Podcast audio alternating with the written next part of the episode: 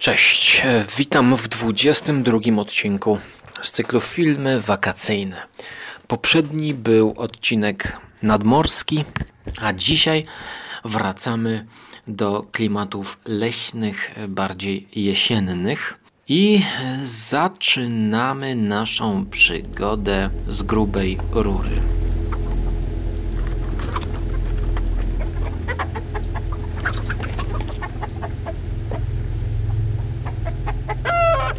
Zaczynamy ją bowiem od firmu, filmu Richarda Stanleya. Otwieram sobie IMDb um, i będziemy teraz. E, z, no, no, no właśnie, co ja ostatnio oglądałem? Będzie Come to Daddy, Berserker, Without Name, Clover Hitch Killer i będzie Color Out of Space. Richard Stanley, reżyser, mm, został wspomniany przez y, nas w podcaście o hardware i y, drugim podcaście mm, na temat jego drugiego filmu, y, który nagraliśmy z kolegą Rafałem, czyli Dust Devil. Mm, no i my sobie pogadaliśmy, a wy nie mogliście tego odsłuchać, bo podcast został przez przypadek skasowany. Ale Ci, którzy y, znają Richarda Stanleya, to może nie, no, no, nie oczekujcie teraz ode mnie tutaj Richarda Stanleya, bo skupimy się na Color Out of Space, który notabene ja też omówiłem w podcaście o tym opowiadaniu. Mhm, i zachęcam, zachęcam do wysłuchania tej archiwalnej audycji, e, gdyż omówiłem tam wiele ekranizacji omówiłem różne ciekawostki e, wzięte z biografii Yoshiego, a teraz chcę omówić to, co przeżyłem wraz z Nicolasem Cage'em. Pierwsze moje wzmianki, mm, jakie dotarły mm, do mnie o tym filmie, to kiedy byłem na spotkaniu, gdzie graliśmy w gry planszowe w zeszłym roku, jakoś bodajże to było chyba w tej przerwie pandemicznej, udało mi się pójść na e, jedno spotkanie planszówkowe z kolegami, do kolegi, no i ja właśnie mówię, że jest ten film. No i usłyszałem śmiech kolegi, który powiedział, że oglądałeś, oglądałeś? I po tym śmiechu ja czułem taki, taki cynizm w tym śmiechu. No bo właściwie nie było żadnych argumentów konkretnych, oprócz tego, że powiedział: Widziałeś alpaki? I drugi kolega, który mocno siedzi w Lovecraftie, od niego pożyczyłem komiks, no jeszcze właśnie chcę pożyczyć komiks Al Alberta Brecci, to powiedział, widziałem! I się zaczęli śmiać razem. Ja mówię, nie, nie, nie, nie, Przecież to tak nie można, no, no kpicie, kpicie. No i teraz rok później odpalam film. odpalam Color Out of Space. No i kiedy widzę alpaki, to po prostu nie mogę. No nie mogę tego oglądać poważnie. Alpaki. Szanowni Państwo, były lamy u Davida Lyncha ewidentnie e, w humorystycznym kontekście, kiedy wchodzą na posterunek w policji, no i zdziwiony mm, agent Cooper nie wie skąd się tutaj wzięły lamy i w ogóle co to są te lamy, można by powiedzieć. No, a ja się pytam, skąd tu się wzięły alpaki? Richard Stanley daje sobie głowę uciąć, że on hoduje alpaki i on kocha alpaki i że trzeba włożyć te alpaki do horroru. E, bo przecież dzisiaj alpaki są symbolem tego, co wszyscy kochamy. Pojawiały, pojawiają się alpakaria, miejsca, e, które zajmują się terapią za pomocą alpak dzieci, przecież chore na autyzm, e, zalecana jest e, dogoterapia, e, alpakoterapia. Futro z alpak jest niezwykle miękkie, ma bardzo dobre właściwości dla alergików. Ono nie, właśnie nie, nie, nie, mm, nie uzależnia, znaczy może uzależniać, bo są fani alpak. I niewątpliwie tutaj Richard Stanley i jego mózg miłośnika grozy przetransponował nam alpaki na coś mrocznego. to, co się dzieje z alpakami w tym filmie, to jest obraz, nie obraz, to jest próba zniszczenia tego, co wszyscy kochamy. Piękne zwierzątka, puszyste, prawda? No, kotki. Kogo interesują już kotki? Alpaki są. Jedna alpaka to jest jak pięć kotków, które postawimy jednego na drugim i możemy jeszcze dodatkowo przytulić i wyjść z nimi na spacer na łąkę. To się o tyle zazębia z fabułą historii, e, z fabułą historii, z fabułą filmu, że w opowiadaniu Lovecrafta umiera i zaczyna chorować po, poprzez meteoryt, który spada na Ziemię. Zaczyna chorować żona głównego bohatera, potem córka i wszystko wokół zaczyna umierać, gnić, e, właściwie być trujące. I to było reinterpretowane na różne sposoby. Zresztą w zeszłym odcinku filmów wakacyjnych był ten taki film nadmorski, gdzie był domek i, i tam właśnie też spadały jakieś pasożyty, mm, które zatruwały naszych bohaterów. A życie widzów zatruwa tutaj e, Nicolas Cage, który właściwie no, początkowo wydaje się, że on jest wykorzystany w sposób poważny. Tak jak w ostatnim filmie Pig, bardzo dobry moim zdaniem, bardzo dobry film Pig. Też e, na swój sposób wakacyjny film, leśny bardzo. Został osadzony w roli poważnej, dramatycznej. Tutaj na początku też jest takie wrażenie. I to wrażenie zaczyna ustępować na rzecz y, takiej mm, niekontrolowanej szarży Nicolasa Cage'a, ale to jest y, idiotyczny, idiotycznie mm, zrobione, gdyż na przykład on wsiada do samochodu, chce go odpalić i nagle mm, na tle kontekstu, który nie do końca pasuje, widzimy jak on siedem razy uderza ręką w kierownicę i zaczyna krzyczeć jak Nicolas Cage e, w Mandy albo w Willis Wonderland. Tak więc Reżyseria aktora Nicolasa Cage'a tutaj się nie powiodła moim zdaniem. Ten aktor jest nie wiadomo jaki. Raz targają nim uczucia takie, potem takie. Tutaj nie wierzę w tę postać.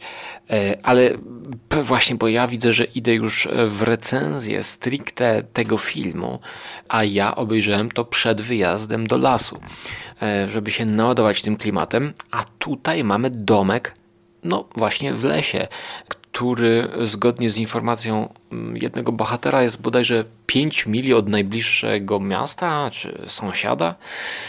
No i ten las jest pokazany i kiedy spada meteoryt, to jest wizualnie całkiem ciekawe, e, całkiem ładne. No ale co z tego, że to jest ładne, jak w tym filmie mieszają się motywy, którymi Stanley jest ostatnio zainteresowany, jakieś e, new ageizmy z alpakaizmami i jeszcze z body horrorem rodem z filmu Wcielenie Jamesa Wana, można by troszkę powiedzieć. No i i właściwie dla mnie ocena 4 na 10 jest to mocne rozczarowanie na tle e, Richarda Stanleya. Widać, widać, że budżet był, ale nie został wykorzystany. Brak e, konceptu, brak takiej gładkości, brak temu filmowi mocnego producenta, tak e, mówiąc kliszami recenzenckimi.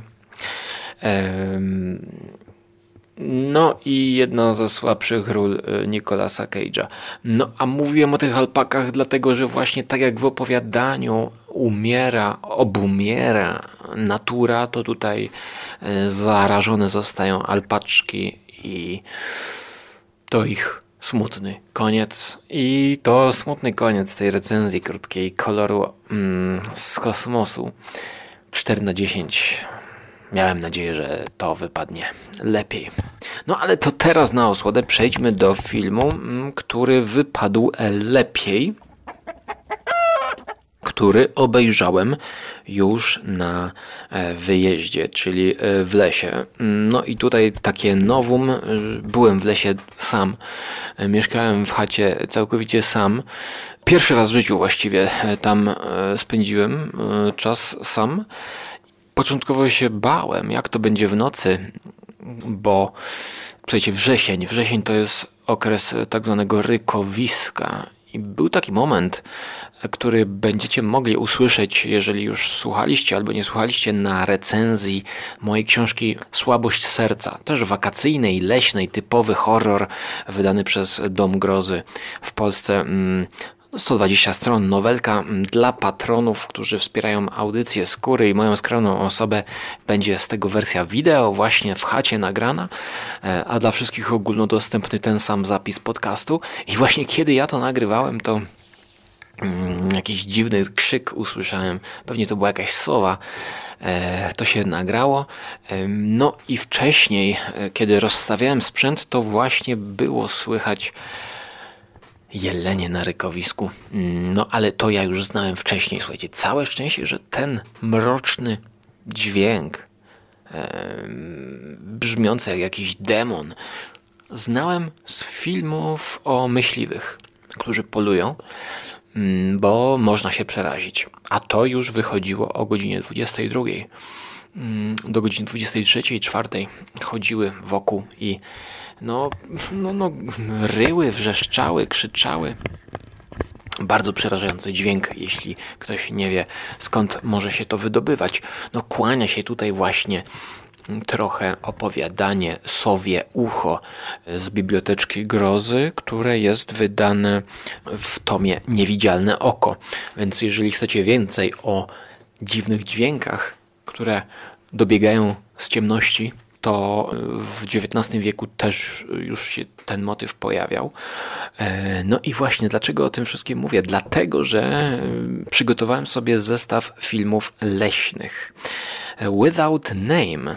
I to był film leśny, ale The Clover Hitch Killer, który teraz będziemy omawiać, z 2018 roku, to był film, który nie okazał się filmem leśnym, ale jesiennym e, thrillerem, mm, który ocena 6 na 10 to jest, e, no to jest, to jest dobry film, powiedziałbym. Zaskoczył mnie pozytywnie. Wyreżyserowany przez Duncana Skylesa którego możecie znać z Nikąd, z Nikąd, The Fuzz serial. Ale dlaczego to jest jesienny? Chociaż on też jest wakacyjny. Dlaczego? Już wam tłumaczę.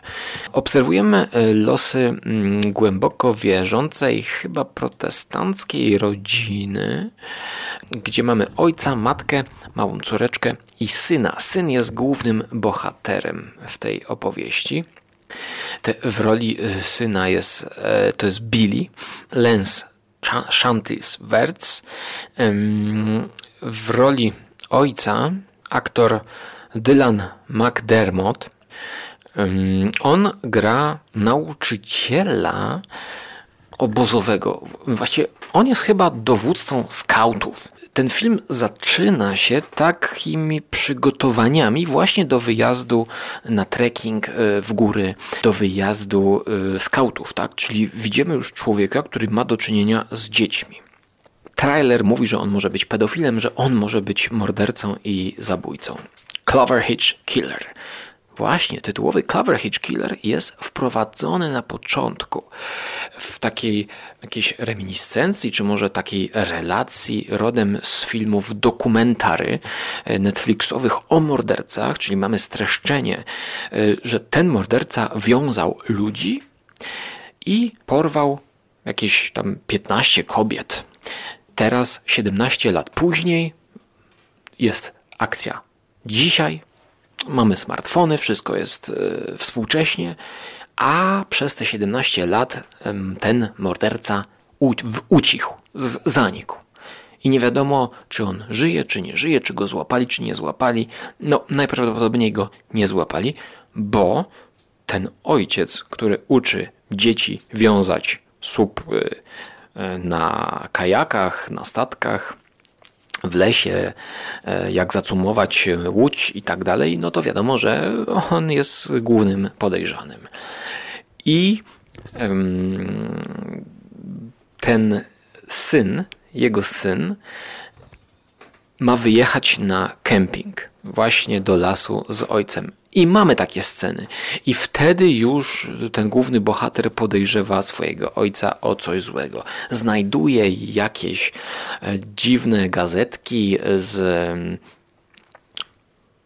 kobietami, które są związane, no ale to są jeszcze jakieś bardziej niegrzeczne świerszczyki, które być może są e, schowane, tak? No i, i, i tutaj to nie będzie duży spoiler, bo to e, wszystko, wszystko mówi... Mm, wszystko mówi y, trailer i, i właściwie plakat nawet ojciec zaczyna się tłumaczyć na różne dziwne sposoby, że to nie on, że to wujek, że to ktoś tam. Teraz y, właściwie zaczyna się film, mięso tego dzieła zaczyna się, kiedy syn ma wyjechać na obóz, a tata ma zostać w domu. No i syn robi swoje, a tata robi swoje.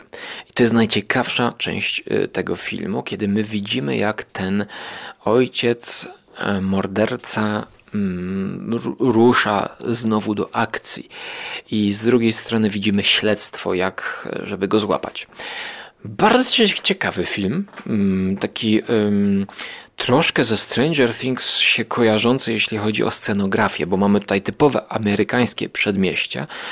Ten chłopak, główny bohater, poznaje koleżankę w swoim wieku, która właśnie fascynuje się historiami morderców i fascynuje się i zna wszystkie fakty dotyczące Clover Hitch Killer. Ona nawet zna mieszkającą kobietę w tym mieście, która napisała książkę o tym Clover Hitch Killer.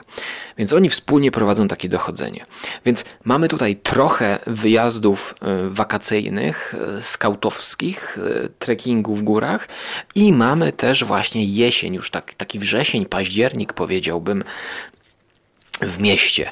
W mieście, kiedy mamy jesienny kolor grading, brązowe kolory i właśnie mamy pick-upa, którym jeździ morderca. Powiem wam, że jest to ciekawy film z zepsutym końcem, bo ten koniec, nie będę spoilerował, ale mówię już o epilogu i, i, o całym zawiązaniu akcji, dla mnie jest zbędny. To można było jakoś lepiej rozwiązać. Tutaj, tutaj śmierć i, pewnego bohatera jest dla mnie um, i to, co dzieje się później, jest, jest przesadą.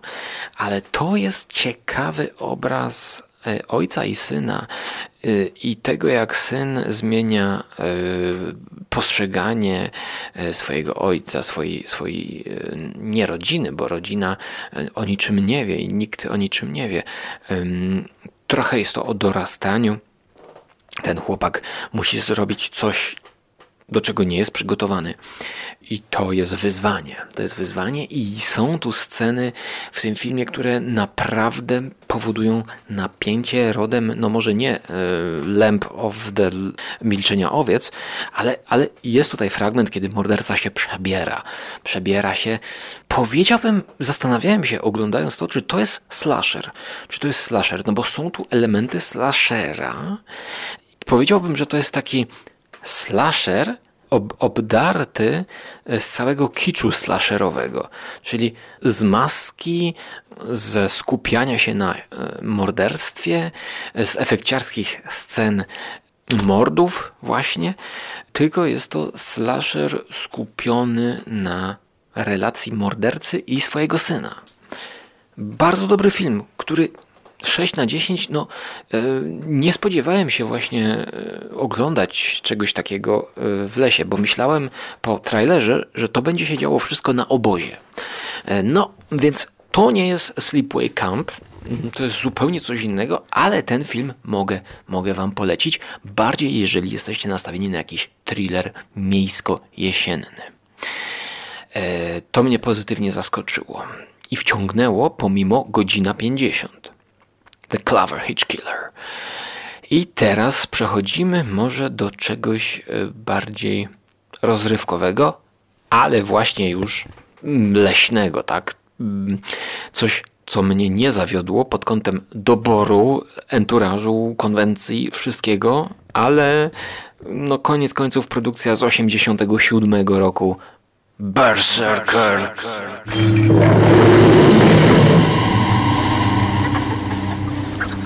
No, początkowo mnie rozbawiła, początkowo mnie wciągnęła, a potem skończyło się na mocnym przyspieszeniu tej produkcji, która zachęciła mnie plakatem.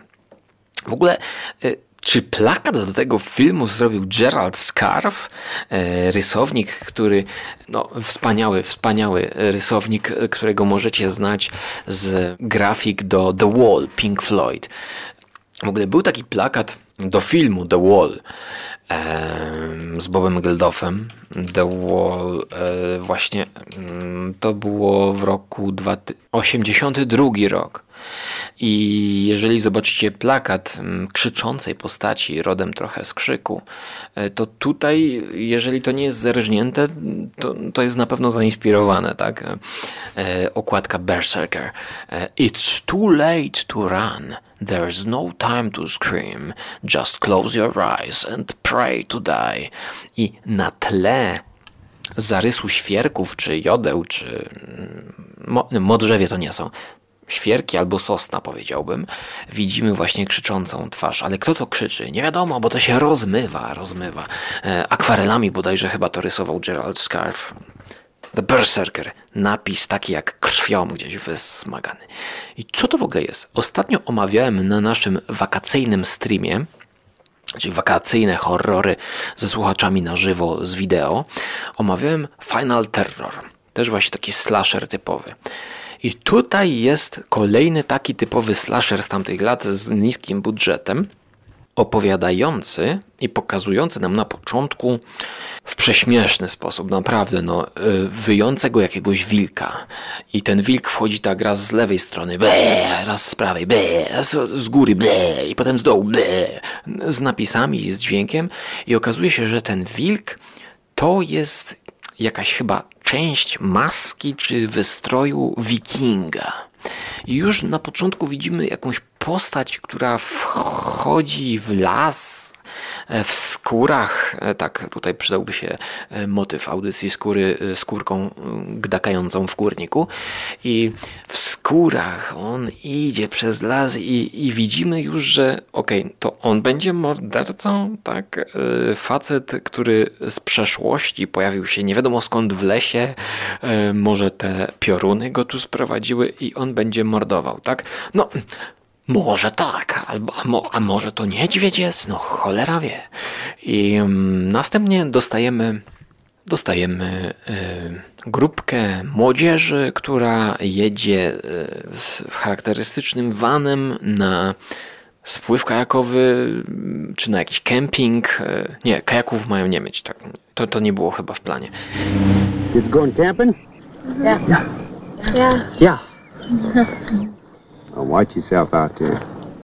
Wjeżdżają do jakiegoś rezerwatu w Kanadzie, jeśli dobrze pamiętam. I tam zaczyna się zabawa. Choć co ciekawe, chyba piersi tutaj nie są pokazane. To jest ciekawa scena. E, taka grająca na emocjach żądnych golizny widzów, bo mm, widzimy grupkę znajomych, która tam kąpie się w oddali dosyć, więc te piersi są może gdzieś, gdzieś na horyzoncie daleko, a jedna z bohaterek chce wskoczyć do wody, chce się bawić, ale po chwili, a nie, nie będzie jednak ściągać koszulki, nie będzie pokazywać. Um, więc takie mrugnięcie do y, widza nie wiadomo, kto tutaj pierwszy e, umrze. No i zaczynają się gonić. E, pojawia się ten potwór, pojawia się właściwie ktoś, kto ich morduje we mgle, w nocy. Oni uciekają, nie wiadomo, który biegnie w którą stronę. I to, co zapada w pamięć, to moment, kiedy my już e, odkrywamy, znaczy odkrywamy. No w sumie w sumie tutaj nie było za dużo do odkrywania, bo już to wiedzieliśmy w pierwszych scenach. Ale e, twórcy odkrywają nam, że właściwie, no, kurde, ja, ja, nie wiem o co tam chodziło, ale e, pojawia się ten berserker i pojawia się niedźwiedź. I ja początkowo myślałem, że ten niedźwiedź to jest duch tego wojownika wikingów, E, albo ten wiking zamienia się w niedźwiedzia? Tak myślałem, że on się zamienia w niedźwiedzia. Ale okazuje się chyba, że to ten wiking ich mordował, a tu nagle pojawia się niedźwiedź. I ten wiking walczy z niedźwiedziem. I słuchajcie, i to jest scena rodem z tego dokumentu Król Tygrysów, bo tutaj za tego nie niedźwiedzia, tylko za tego wikinga jest przebrany pewnie jakiś treser niedźwiedzi. I mamy tutaj prawdziwego niedźwiedzia, ludzie kochani. To jest tak straszna scena pod kątem realizacyjnym, że się zastanawiałem. Uff, wzięli niedźwiedzia, prawdziwego niedźwiedzia i, i jego tresera. Przebrali za wikinga, założyli mu maskę i kazali im się czochrać po ziemi, przytulać, wierzgać, w ciemnościach jeszcze. I zmontowali to dodając taki. Zrobili z tego walkę niedźwiedzia z berserkerem. Tak to wygląda, tak to wygląda. I tak robi to wrażenie, bo no, niedźwiedzie to są dzikie zwierzęta i są niebezpieczne, tak? Wszyscy wiemy to z filmów Wernera Herzoga Grizzly Man. To może się źle skończyć. Całe szczęście e, przy produkcji tego filmu żaden berserker nie, nie poniósł szkód, choć, choć może trochę się pobrudził i był poturbowany. No, ale jeśli chodzi o fabułę filmu, to berserker ucieka do lasu. E, przez tego niedźwiedzia e, właściwie przestraszony, więc, więc mm, kończy się to dosyć pozytywnie, aczkolwiek jest ten końcowy twist, że jednak może jeszcze wróci. Całe szczęście Berserker jeszcze nie wrócił, bo ja e, drugą połowę filmu musiałem oglądać na mocnym przyspieszeniu, bo był to film nudny i zastanawiam się, dlaczego ja oceniłem go 4 na 10 no, bo nie był żenujący, tak. 3 to już musiałby być żenujący, tak. No. To jest film typowy, y, słaby, y, więc 4 na 10 wystarczy. Nie polecam. Nie polecam. W przeciwieństwie do filmu, który, no zastanawiam się, czy polecać, czy nie polecać. Troszkę tak jestem na rozdrożu. Mm, Without Name, 2016 rok, mm, reżyseria Lorcan Finnegan. No, a właśnie, właśnie, y, co jeszcze zrobił ten od niedźwiedzia, ten reżyser? E, Jefferson Richard, bo on jeszcze zrobił jakiś chyba inny slasher.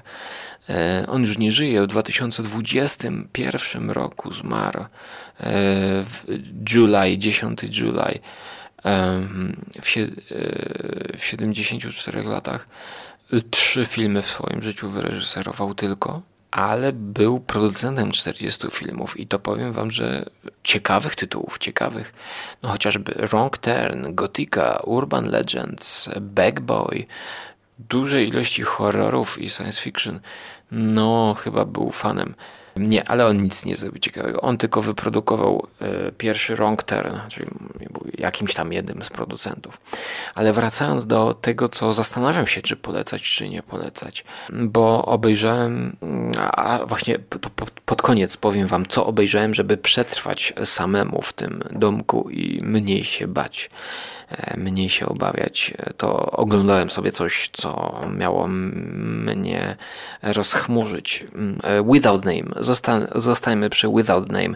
Without Name to jest produkcja z 2016. Lorcan Finnegan. Ten człowiek jest znany z filmu Foxas, czyli e, Lisy i Vivarium. Tak, i, i właściwie dlatego ja e, sięgnąłem po ten film i miałem go na celowniku. Nie wiem, czy oglądaliście e, Vivarium z 2019 roku, taki film domowy e, z, z Jessim Eisenbergiem i Imogen Putz o takiej młodej parze, która dostaje dom w dzielnicy, która jest tak taka po, powielająca, taka, taka martwa dzielnica, ale wygląda jak z obrazka. To jest taki surrealistyczny film. Swoją drogą ten trailer tak nawiązywał trochę może do filmu Petera Wira Truman Show. Vivarium, no 6 na 10 to był ciekawy film i właśnie on wcześniej zrobił Without Name. O wiele niższy budżet. I tutaj Alan McKenna w roli głównej, e, w roli Eryka, który zajmuje się pomiarem geologicznym bodajże. On ma ten aparat taki specjalny, który stawia na statywie i mierzy e, teren. Jest chyba geodetą po prostu. Zaczynamy w ogóle w mieście, więc mamy tutaj mm, przeciwstawione miasto do lasu. To jest w ogóle brytyjski film.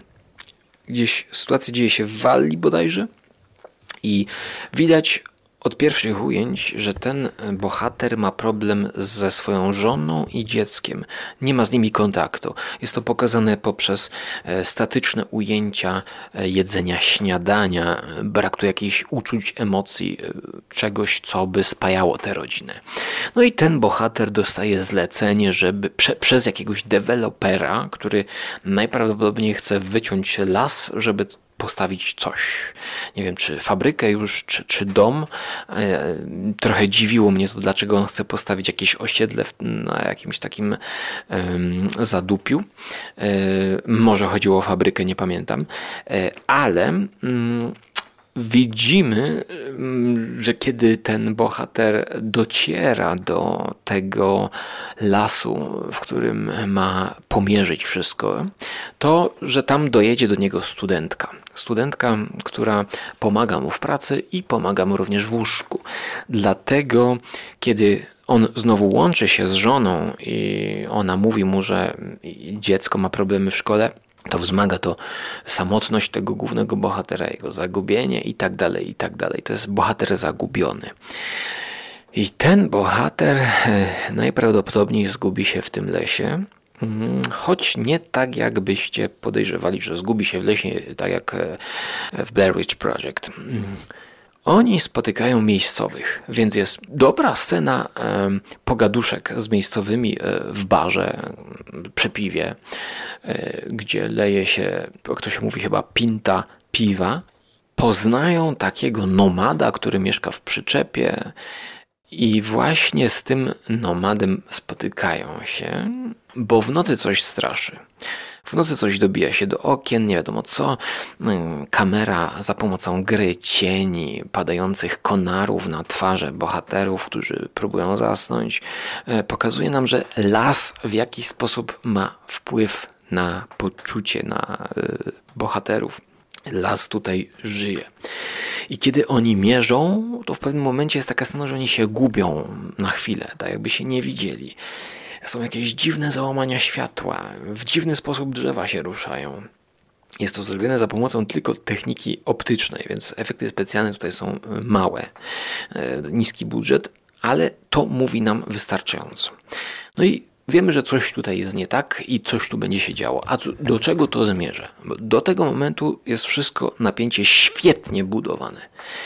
A okazuje się, że w połowie filmu mniej więcej, mm, to jest taki wolny, w sumie gadany film bardziej, kojarzący się może bardziej z Empty Manem ostatnio, to oni spotykając się z tym naszym nomadem, który tam mieszka w przyczepie, spożywają grzyby halucynogenne. No i ta kobieta bierze tam jednego, a ten główny bohater, pomimo że nie chciał ich brać, e, bo jest sceptycznie nastawiony do tego człowieka, który mieszka w przyczepie, bo w ogóle oskarża go, że to on ich w nocy straszy, no to nie wiedzieć, czemu on wziął bardzo dużo tych grzybów absurdalne. Nie, nie wiem czemu.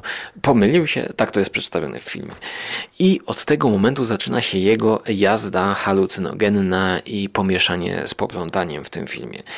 Mm, kiedy on wraca do domu i tak jakby otrzeźwiał, to on mm, znajdując zapiski w piwnicy tego domu, który oni wynajmują, to jest jakiś taki stary, opuszczony dom, e, w którym on mieszka i na laptopie też pracuje i obrabia tam te pomiary, to znajduje jakieś zapiski e, kogoś, kto mieszkał tam chyba wcześniej. I również widzimy tego kogoś, kto tam wcześniej mieszkał. To już na, początku widzimy filmu, że takie przebitki są, że ktoś tam leży na tym samym łóżku, ale jest starszy. No i te zapiski są o jakichś właśnie grzybach, o jakimś łączeniu się z naturą. No i ten główny bohater wchodzi w te same kolejny i też chce łączyć się z naturą i mamy taką scenę, która dla mnie już tak pogrzebała film chyba całkowicie. E, znaczy, nie, nie, nie całkowicie, bo, bo obejrzałem do końca z zainteresowaniem, ale z rozczarowaniem. Ale ta scena, o której mówię, to jest taka, gdzie on idzie do lasu zbiera mu homory i robi sobie z nich, e, gotuje i robi sobie z nich herbatę i wypija. To nie wiadomo, czy ten facet chce popełnić samobójstwo, czy z tego powodu, że wyczytał jakieś e, durne zapiski z obrazkami fajnie narysowanymi, tak stylizowanymi jak z komiksu jakiegoś horrorowego, to, że on chce wejść w, w, w nadprzestrzeń. Dla mnie druga połowa była rozczarowująca, pomimo świetnego budowania napięcia w pierwszej połowie. Dlatego no, no, film dostał trochę krzywdzące, może 5 na 10. W ogóle jest to mało znany film. 969 ocen na IMDb, kiedy Vivarium Lorca Finnegana to jest, to była naprawdę mocna produkcja. 47 tysięcy mm, ocen, więc, więc no, no na pewno znacie to Vivarium, bo albo plakat, albo trailer wam przeszedł przed oczami. To jest o takiej wymarzonej dzielnicy e, Vivarium, surrealistyczny film. Bardziej chyba bym polecał jednak to Vivarium tego reżysera. No i z takim rozczarowaniem. Pamiętam, że ten film nawet w nocy nie straszył, jak go oglądałem. Obejrzałem go na dwie połowy, tą, tą drugą połowę już chyba w dzień nawet oglądałem, e, więc, e, więc troszkę się rozczarowałem. No i podobnie znowuż, a nawet jeszcze bardziej, rozczarowałem się filmem, który też miałem ze sobą tam e, zabrany. Mm, filmem z Elijah Woodem, Come to Daddy. I to się o tyle łączy, że Elijah Wood był chyba producentem koloru z przestworzy, od którego zaczęliśmy naszą audycję. Yeah, it's me. Norm, I got your letter?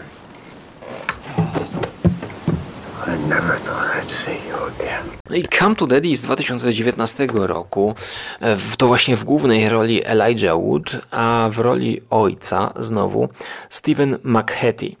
E, znowu tutaj zaczynamy od tego motywu mm, z poprzedniego filmu. Pontypool, właśnie, Pontypool, on też grał w Pontypoolu, muszę to obejrzeć, bo to jest o podcasterach i o radio. No i on jest ojcem, ojcem, a Elijah Wood jest synem, który przyjeżdża autobusem gdzieś do domku nad jeziorem w lesie, pukając, mówi, że jest synem i że przyjechał na wezwanie ojca który wysłał do niego list. No i rzeczywiście tamten mówi, że tak, tak, tak i przez pierwsze 15-20 minut poznajemy relację ojca i syna. It's dad. He's, he's not how I imagined him. Syn jest ubrany na czarno, dziwnie obstrzyżony, niczym jakiś mnich, tak trochę. Pomalowane ma paznokcie na czarno. Chyba jest muzykiem i producentem muzycznym, a ojciec jest takim gościem już e, na emeryturze, wyluzowanym, który popija sobie piwko i nic go nie obchodzi. Wyluzowany gość, tak, e, który swoje prze, przeżył. Okazuje się, bo tutaj trudno mówić o tym filmie bez spoilerów, że to nie jest tym, na co wygląda.